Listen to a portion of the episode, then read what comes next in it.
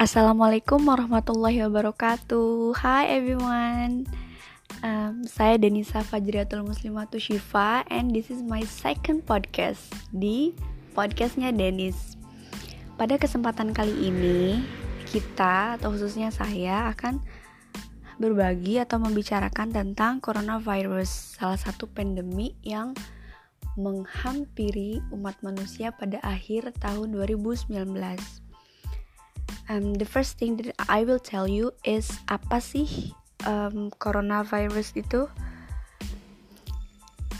Coronavirus atau virus corona atau COVID-19 adalah virus yang menyerang sistem pernafasan.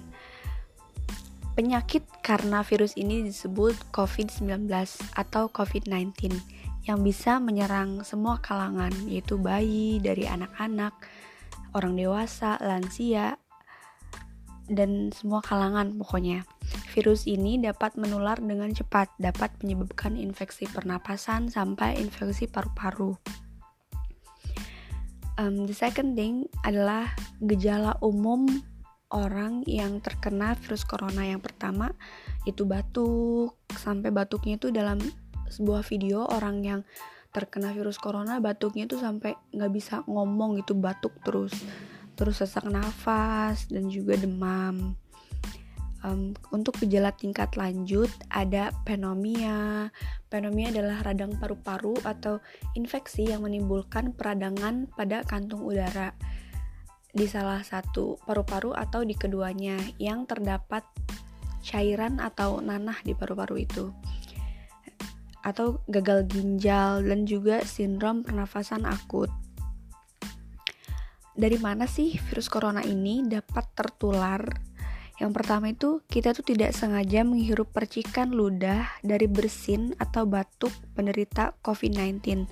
Jadi misalkan penderita COVID-19 itu batuk atau bersin di seberangan tempat, nggak ditutup mulutnya, nggak dipakai etika batuk dan bersinnya. Nah, dari situ kita menghirup udara yang sama dari orang yang bersin itu. Nah di situ kita itu juga virus itu juga bisa tertular. Sangat mudah ya. Yang kedua adalah memegang mulut atau hidung tanpa cuci tangan terlebih dahulu setelah menyentuh benda yang terkena cipratan air liur penderita COVID-19.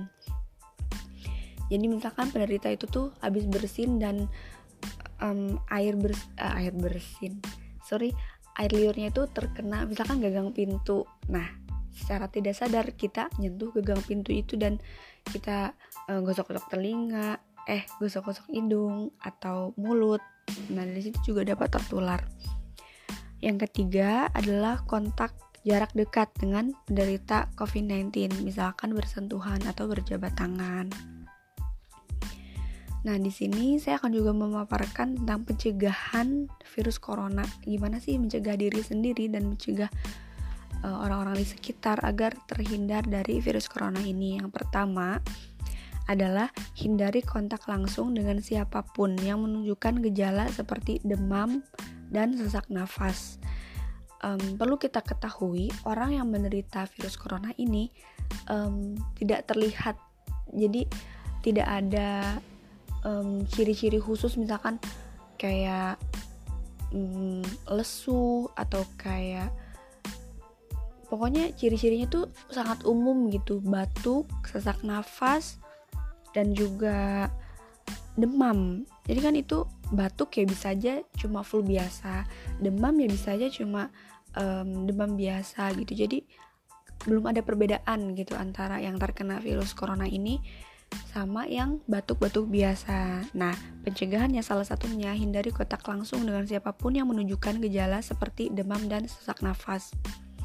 Atau hindari kontak fisik dengan orang lain lah.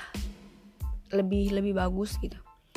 Yang kedua adalah tidak memakan makanan seperti daging mentah atau yang belum dimasak. Selanjutnya yaitu memakai masker saat keluar rumah serta tutup mulut dan hidung ketika bersin dan batuk Nah, jadi um, setelah pandemi ini muncul banyak etika-etika um, bersin, etika-etika batuk yang mungkin baru kita ketahui.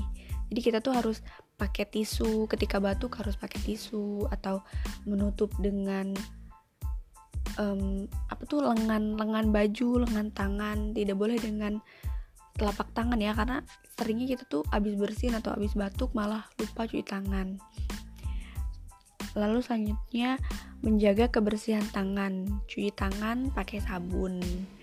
Nah di sini pasti ada pertanyaan kenapa tangan? Dan kenapa harus pakai sabun? Kenapa nggak kaki atau kenapa nggak cuci muka aja? Yang pertama kenapa tangan? Perlu kita ketahui karena kuman penyakit sangat mudah ditularkan melalui tangan.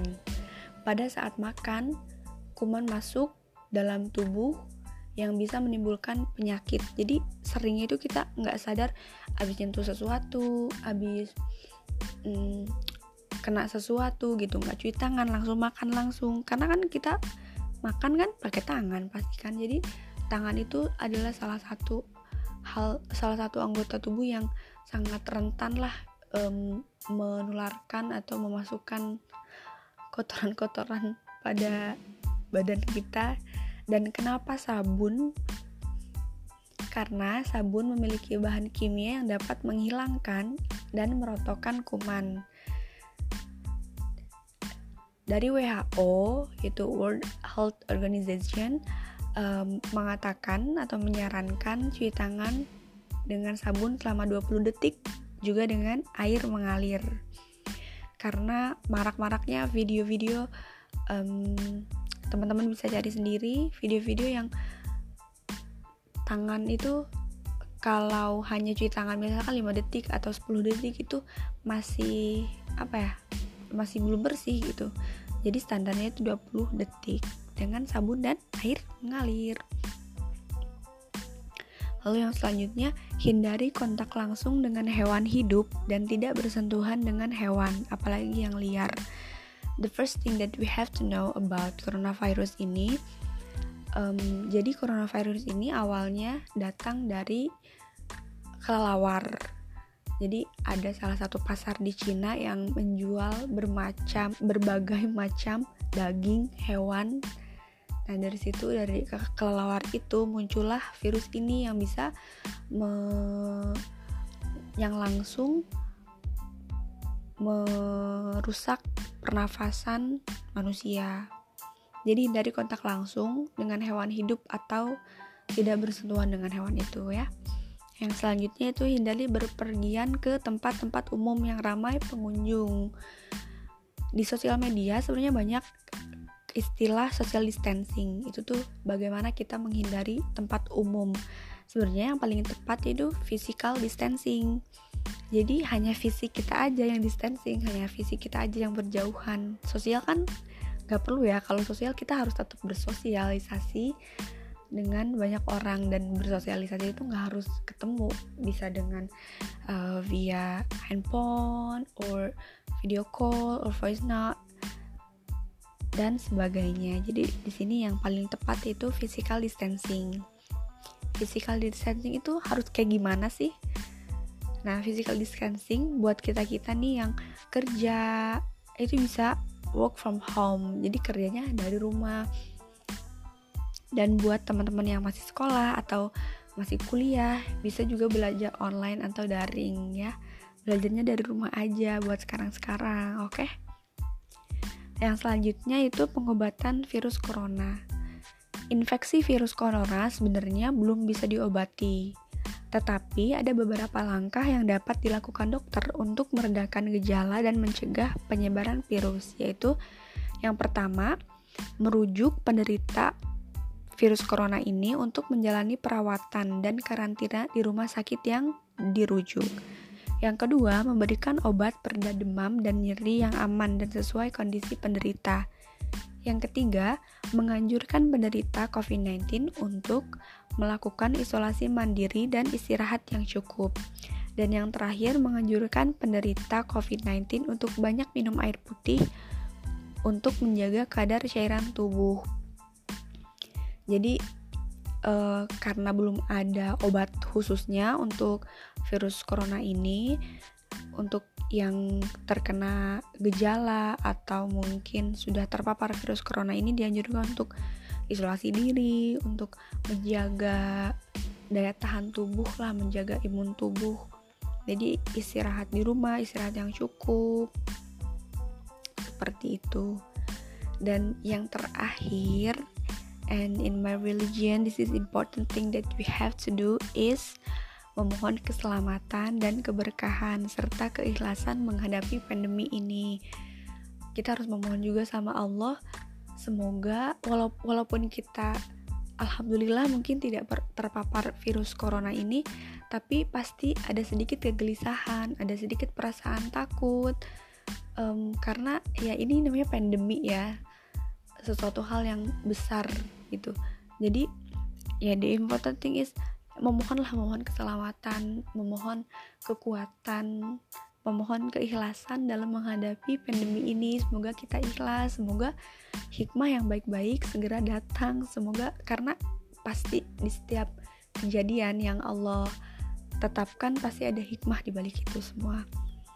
Dan jangan lupa juga berikhtiar berikhtiar maaf berikhtiar dengan cara stay at home makan makanan bergizi um, yang tadi physical distancing pokoknya berikhtiar dengan anjuran-anjuran yang telah diajarkan oleh WHO atau oleh pemerintah Alhamdulillah uh, sekian yang bisa saya sampaikan tentang coronavirus ini.